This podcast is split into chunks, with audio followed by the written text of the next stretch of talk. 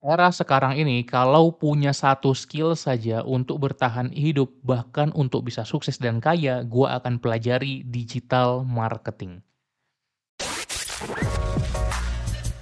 Halo, selamat datang di podcast Cerita Pembelajar. Kamu akan mendengarkan cerita mengenai pengalaman, gagasan, dan pembelajaran. Season 16 7 menit belajar skill masa kini.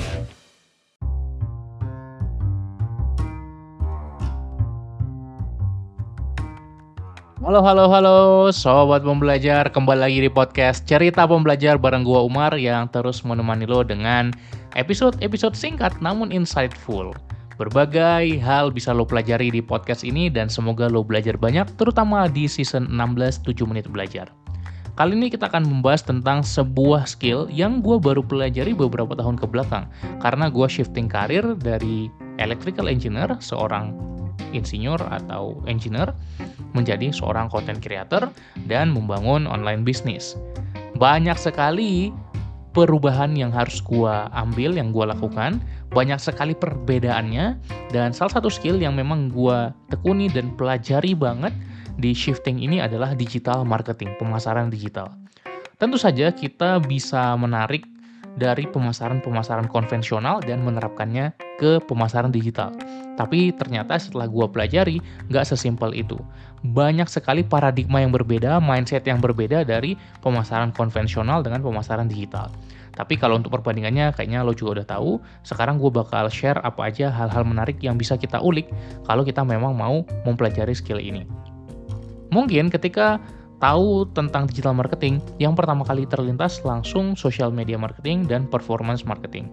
Kalau buat lo yang mendengarkan ini, ya pasti lo udah tahu apa itu social media, dan memang ini adalah digital marketing yang paling banyak diterapkan orang, yaitu social media marketing atau SMM. Dan sudah banyak juga agensi-agensi atau bahkan freelancer yang bekerja di SMM ini, social media marketer, social media spesialis, dan seterusnya. Ketika kita mau mulai membangun presence online kita, baik personal brand ataupun corporate brand ataupun product brand, tentu kita perlu punya digital marketing ini. Dan kalau kita punya skill digital marketing ini, kita gabungkan dengan skill lainnya, kita bisa cuan banget gitu. Kita bisa dapat uang dari apa pun. Kalau emang kita jago digital marketing, kita nggak akan mati, bahkan kita bisa dengan mudah menjadi kaya. Gue sangat-sangat merasakan perbedaan dampak yang gue rasakan ke bisnis gue itu bukan gue lebih jago dalam bikin training. Bukan gue lebih jago dalam bikin coaching. Bukan gue lebih jago ngajar tentang produktivitas. No. Memang gue terus improve skill itu tapi yang membuat bisnis gue bisa ya lumayan oke okay lah lumayan bisa menghidupi gue dan tim gue juga adalah dengan mempelajari betul-betul tentang digital marketing. Konten gue ya akan itu-itu lagi gitu. Tapi bagaimana membuat hook yang lebih bagus, storytelling yang lebih oke, okay, bagaimana mengemas kontennya, bagaimana kita merancang back endnya, front end itu kan yang kelihatan ya, kontennya seperti apa, storytellingnya seperti apa itu kan kelihatan. Tapi back endnya, ketika orang sudah join ke sebuah mailing list atau kita sering sebut dengan list building ya, udah gabung ke email list gua, banyak sekali yang akan terjadi di belakang itu di follow up terus lewat email, lewat WhatsApp, dan promosinya juga berjalan, tapi gimana caranya supaya smooth, itu kan semua perlu dipelajari.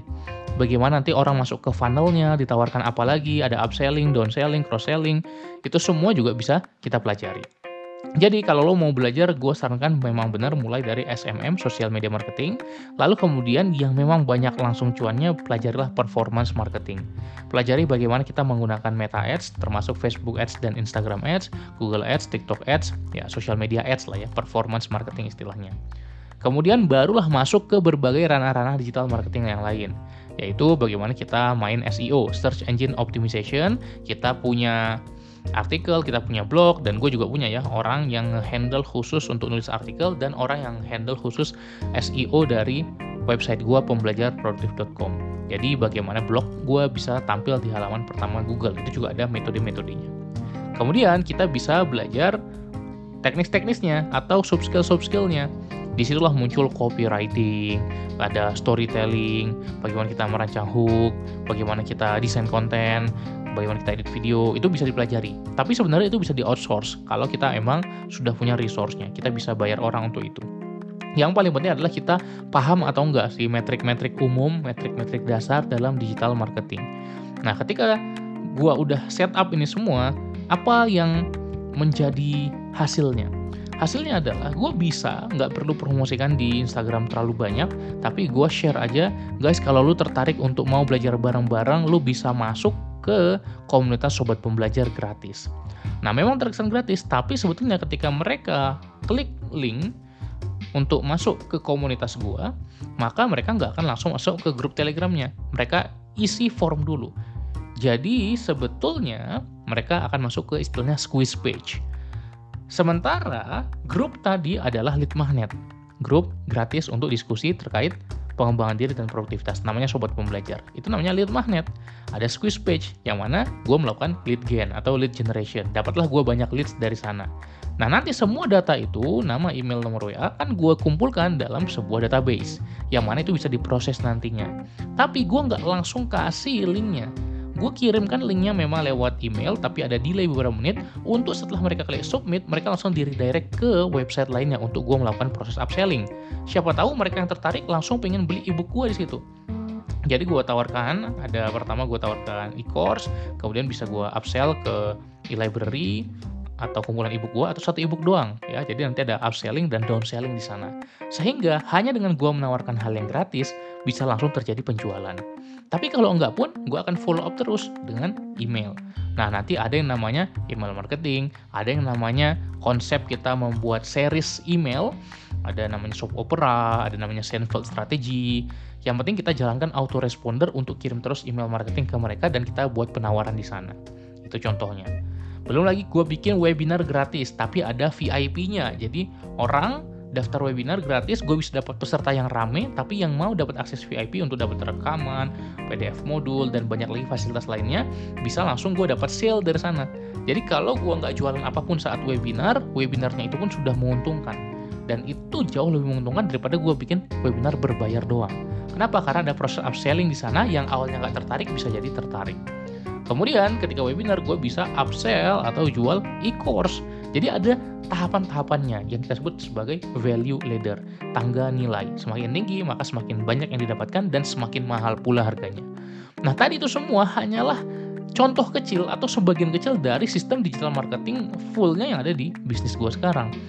Tapi kalau lo baru mulai jangan langsung mikir sekompleks tadi yang penting coba pelajari dulu lo ingin kuasai di mana, apakah di SEO, apakah di SMM, apakah di performance marketing dan benar-benar double down di situ sampai lo benar-benar jago.